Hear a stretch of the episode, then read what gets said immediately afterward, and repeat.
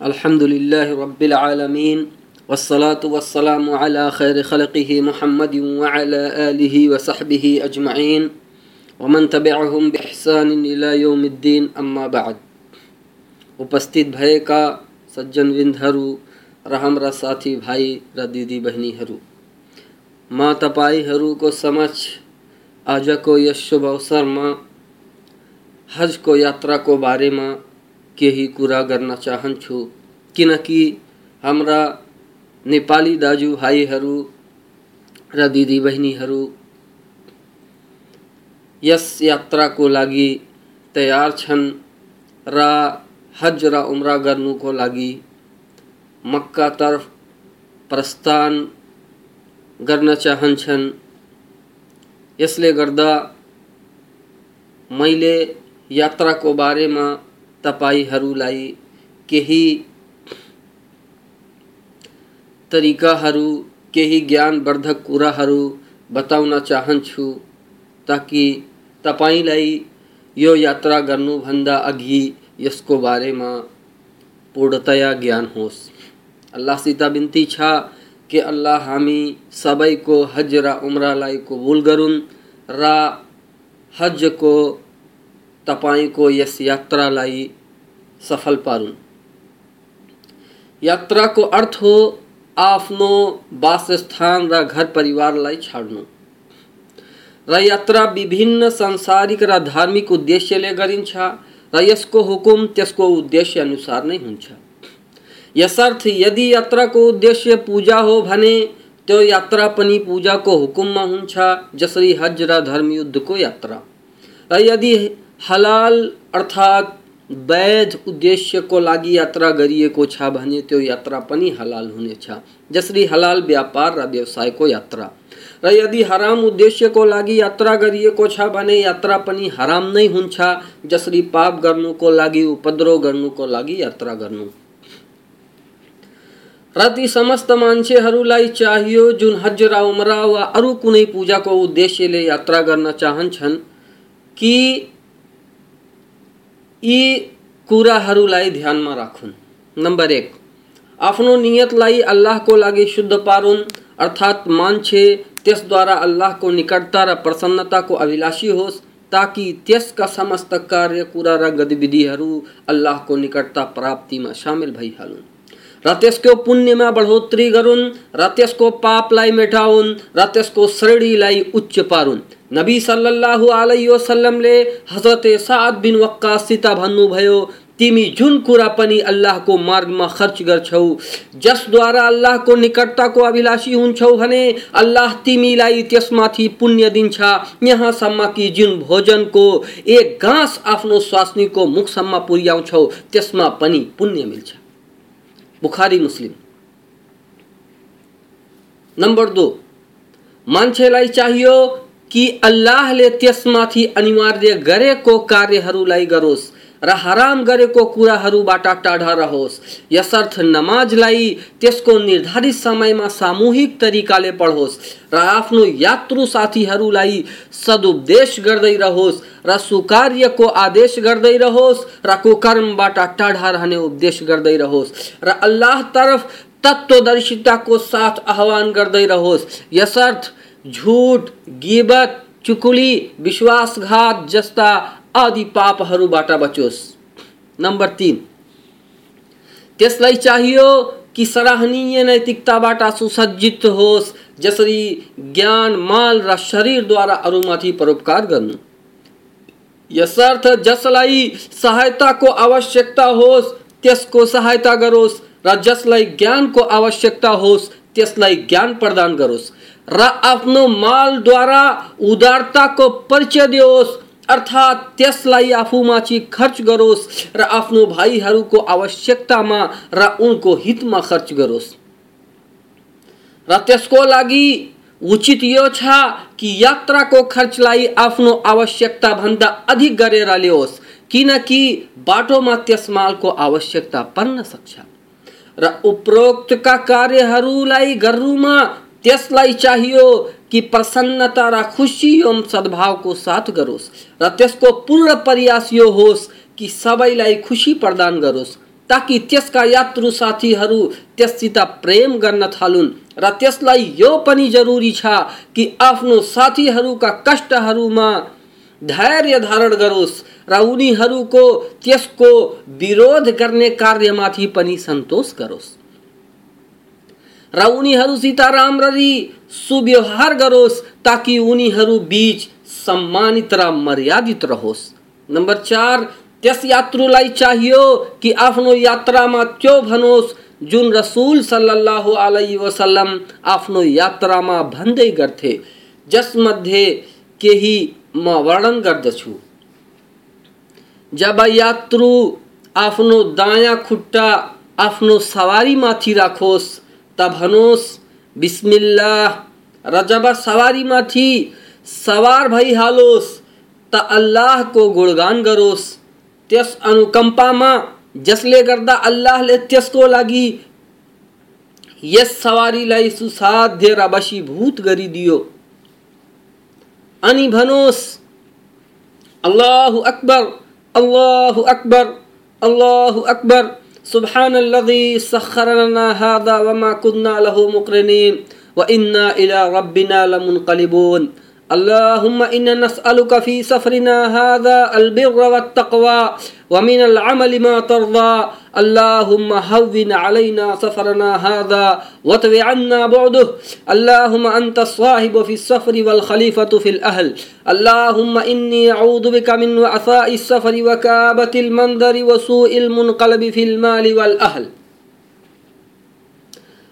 अर्थात अल्लाह महान छ अल्लाह महान छ अल्लाह महान छ। त्यो अल्लाह पवित्र छ?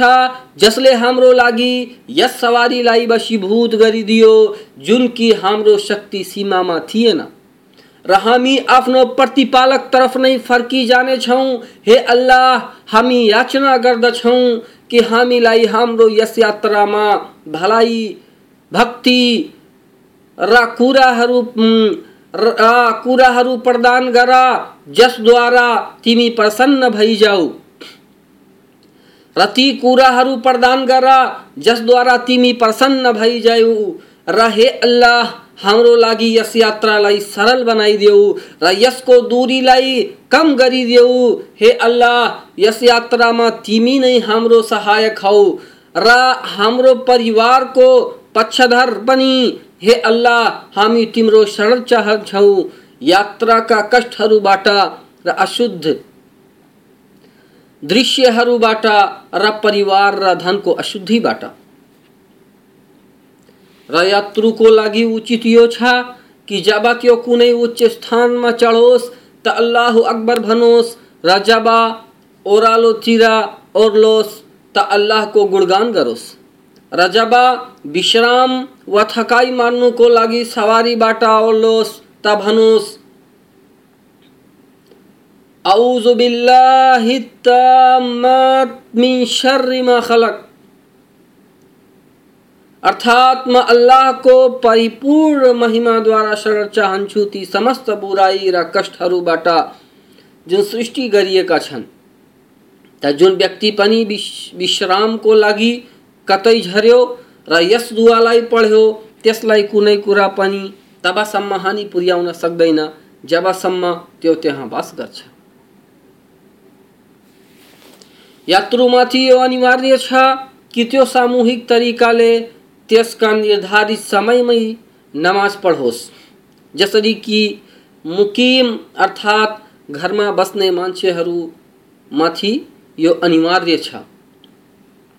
अल्लाह को फरमान छ वइज़ा कुन्त फ़ीहिम फ़अक़मत लहुमुस्सलात फ़लतक़ुम ताइफ़तुम मिनकुम मअका वलियअख़ुदू अस्लिहतहुम फ़इज़ा सजदू फ़लियकूनु मिन वराइकुम मिन वराइकुम वलतअति ताइफ़तुन उख़रा लम युसल्लू फ़लियुसल्लू मअक अर्थात जब तिमी तिनीहरूमा हुन्छौ र तिनीहरूलाई नमाज़ पढाउँदछौ भने, यो आवश्यक छ कि एउटा समूह तिम्रो साथमा हतियार सहित उभिराखोस् जब यस समूहले सजदा गरिसकोस्, तब त्यहाँबाट हटेर तिम्रो पछाडि आओस् र अर्को समूह, जसले नमाज़ पढेको छैन, त्यस ठाउँमा आओस्।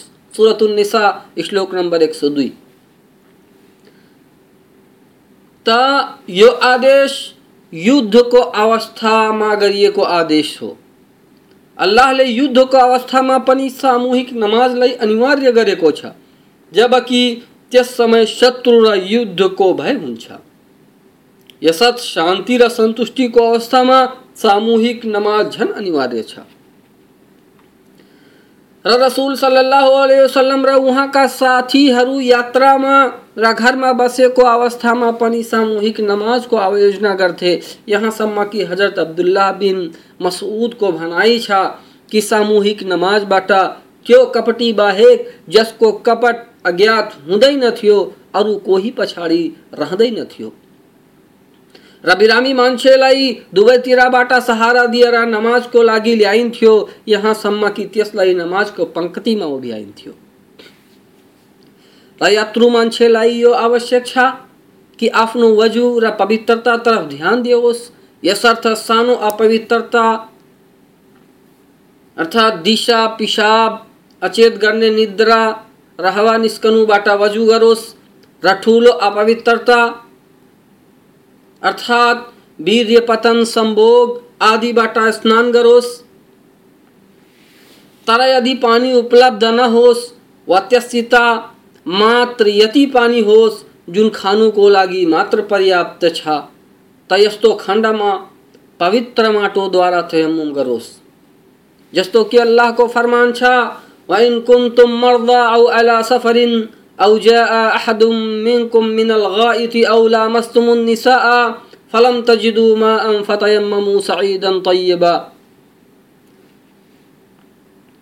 अर्थात् यदि तिमी बिरामी छौ वा यात्रामा छौ।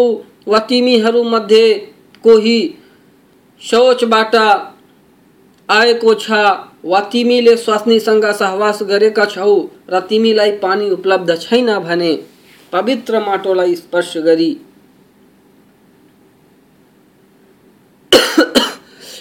पवित्र माटोलाई स्पर्श गरी तयमुम गर। सुरतुल माइदा श्लोक नंबर छ। र वजु एवं स्नान गर्ने तरिका त सबैको लागि प्रष्ट छ। र तयमुम गर्ने तरिका यो हो कि मान्छे आफ्नो दुवै हातलाई धरतीमाथि हानोस्, अनि दुवै हातबाट आफ्नो अनुहार र दुवै हत्केलीलाई स्पर्श गराओस्। जस्तो कि सही बुखारीमा वर्णित छ कि रसुल सल्लाह वसल्लमले हज़रत अम्मार बिन यासिसित भन्नुभयो दुवै हत्केला र अनुहारमा स्पर्श गर्नु तिम्रो लागि पर्याप्त छ। र अर्को हदिसमा छ, रसुल सल्लाह अलैहि वसल्लमले आफ्नो हातलाई धरतीमाथि हान्नुभयो अनि आफ्नो अनुहार र दुवै हत्केलीमाथि मस्साह अर्थात स्पर्श गर्नुभयो। र तयम्मुमद्वारा पवित्रता ग्रहण गर्नु सीमित पवित्रता हो। यसर जहिले पनि मान्छेलाई पानी उपलब्ध भइहालोस् तयम्मुम भङ्ग भइहाल्छ। र त्यसमाथि पानी प्रयोग गर्नु अनिवार्य भइहाल्छ त यदि त्यसले ठुलो पवित्रताबाट तयम्मुम गरेको छ, अनि पानी उपलब्ध भयो भने अब त्यसमाथि पानीबाट स्नान गर्नु अनिवार्य भयो। यदि सानो अपवित्रताबाट तयमुम गरेको थियो र पानी उपलब्ध भयो भने त्यसबाट वजु गर्नु अनिवार्य भयो। र हदिसमा वर्णित छ, पवित्र माटो मुसलमानको वजु हो, चाहे त्यसलाई पानी दस वर्षसम्म उपलब्ध नहोस् तर जब त्यसलाई पानी उपलब्ध भइहालोस् त त्यो अल्लाहसित डरोस् र पानी प्रयोग गरोस्। र यात्रुको लागि सुन्नत यो हो कि चार रकात वाला नमाजलाई कसर गरेर अर्थात् कम गरेर पढोस्। र ती नमाजहरू हुन् जुहर, असर र इसाको नमाजहरू। जसलाई दुई दुई रकात गरेर पढोस्। जसरी कि बुखारी र मुस्लिमको हदिसमा छ, इब्न उमर रज़ी अल्लाह अनहुको वर्णन छ कि म यात्रामा रसुल सल्लल्लाहु अलैहि वसल्लमको साथ थिएँ। त रसुल सल्लल्लाहु अलैहि वसल्लम दुई रकात भन्दा अधिक पढ्दैनथे र यस्ता र यस्तै नै हज़रत अबू बकर र उमर एवं उस्मान रज़ी अल्लाह अनहुम अजमाइन पनि गर्थे। र सही बुखारीमा हज़रत आयसा रज़ी अल्लाह अनहाको वर्णन छ कि आरम्भमा नमाज़ दुई दुई रकात अनिवार्य थियो। अनि जब रसुल सल्लाह वसल्लम प्रवास गर्नुभयो, त चार रकात गरियो तर यात्राको नमाजलाई पहिलाको अवस्थामा नै राख्यो। यसर्थ यात्रुको लागि यो नै सुन्नत हो कि जब तो यात्राको आरंभ गरोस्, अर्थात् जब आफ्नो घरबाट निस्कोस्, त चार रकात भएको नमाजलाई दुई रकात गरेर पढोस्। तबसम्म, जबसम्म आफ्नो वतन फर्केर नआओस् चाहे त्यसको यात्राको अवधि कम होस् वा अधिक। र सही बुखारीमा छ, इब्ने अब्बास रजियल्लाहु अन्हु वर्णन गर्नुहुन्छ कि, नबी सल्लल्लाहु अलैहि वसल्लम मक्कामा उन्नाइस दिन बस्नुभयो। जस अवधिमा उहाँ सल्लल्लाहु अलैहि वसल्लम चार रकातका नमाजहरूलाई दुई दुई गरी पढ्थे। तर जब यात्रु यस्तो इमाम पछाडि नमाज़ पढिरहेको होस्, जुन चार रकात पढ्छ त यात्रुमाथि पनि अनिवार्य छ कि चार रकात नै पढोस्। चाहे नमाजको आरम्भदेखि नै नमाजमा सामेल रहेको होस् वा बिचबाट किनकि रसुल सल्लाह वसल्लमको फरमान छ, इमाम यसकारण नियुक्त गरिएको छ ताकि त्यसको अनुसरण गरियोस्। तसर्थ तिमीहरू नमाज़ पढ्नुमा त्यसको विरोध नगर्नु। रजबा इब्ने अब्बासिता सोधियो कि यात्रु को यो कस्तो विचित्र करनी हो कि त्यो आफ्नो यात्रामा दुई रकात पढ्छ। जब एक्लै हुन्छ र चार रकात पढ्छ, जब कुनै मुकिम, त्यहाँको बासिन्दा इमामको पछाडि नमाज़ पढिरहेको हुन्छ। त उनले भने, सुन्नत यो नै हो। र इब्ने उमर रज़ी अल्लाह अनहु जब इमाम पछाडि नमाज़ पढ्थे, त चार रकात पढ्थे र जब एक्लै पढ्थे दुई रकात पढ्थे अर्थात् यात्रामा। र रह्यो कुरो जुहर असर र मगरिब एवं इशालाई एकत्रित गरेर पढ्नुको त यात्रुलाई यसको आवश्यकता परेको खण्डमा यस्तो गर्नु नै सुन्नत हो। जबकि त्यो आफ्नो यात्रालाई निरन्तरता दिन चाहोस् त जसरी त्यसलाई सुसाध्य होस्, त्यसरी नमाजलाई एकत्रित गरेर पढोस्। चाहे जमा तकदीम गरोस् वा जमा तअखिर अर्थात् चाहे असरलाई जुहरको समयमा पढोस् वा जुहरलाई असरको समयमा। किनकि बुखारी र मुस्लिम में हज़रत अनस बिन मालिक रजियल्लाहु अन्हुको माध्यमले हदिस वर्णित छ। उहाँ भन्नुहुन्छ कि जब नबी सल्लल्लाहु अलैहि वसल्लम सूर्य ढल्कनुभन्दा अघि यात्राको आरंभ गर्थे, त जुहरलाई असरको समयको समयसम्मको लागि अवलम्बित गरिदिन्थे। र जब सूर्य ढल्के पश्चात यात्राको आरंभ गर्थे, त जुहर पढेर यात्रा आरंभ गर्थे।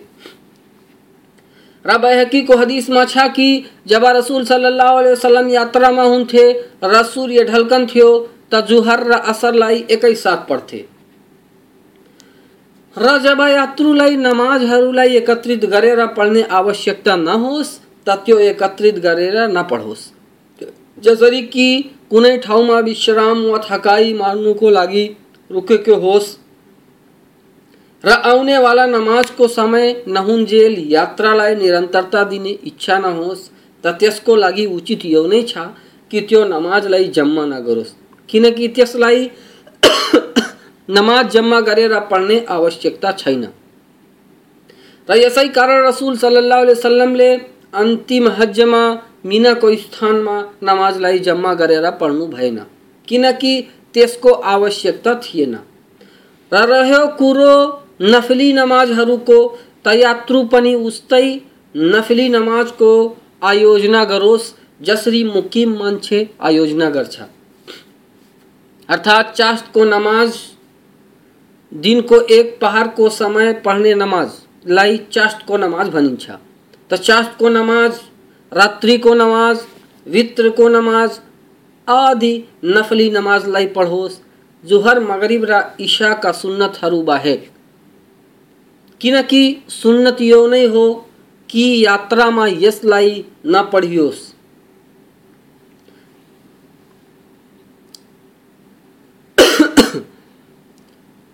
यो थियो यात्राको तरिका। त जुन हाम्रा हाजी भाइहरू र दिदी बहिनीहरू हज र उम्रा गर्ने उद्देश्यले मक्का तरफ़ प्रस्थान गरिरहेका छन्। उनीहरूलाई चाहियो कि मैले वर्णन गरेको कुराहरूलाई राम्ररी बुझुन् र त्यसको पूर्णतया ज्ञान प्राप्त गरून् अनि त्यसै बमोजिम आफ्नो यात्रा गरून्। अल्लाहसित याचना छ कि अल्लाह हामीहरूलाई मोहम्मद सल्लल्लाहु अलैहि वसल्लमको पद्धतिमा हज र उम्रा गर्ने अवसर प्रदान गरून् र, हाम्रा ती दिदी बहिनी, र भाइहरूलाई जुन कि बिरामी छन्, र हज गर्ने इच्छुक छन्, अल्लाह तबारक व ताला उनीहरूको बिरामीलाई निको पारुन्। र उनीहरूलाई राम्ररी हज गर्ने मौका प्रदान गरून् आमिन वाखरुद्द अवाना अनिल रब्बिल आलमिन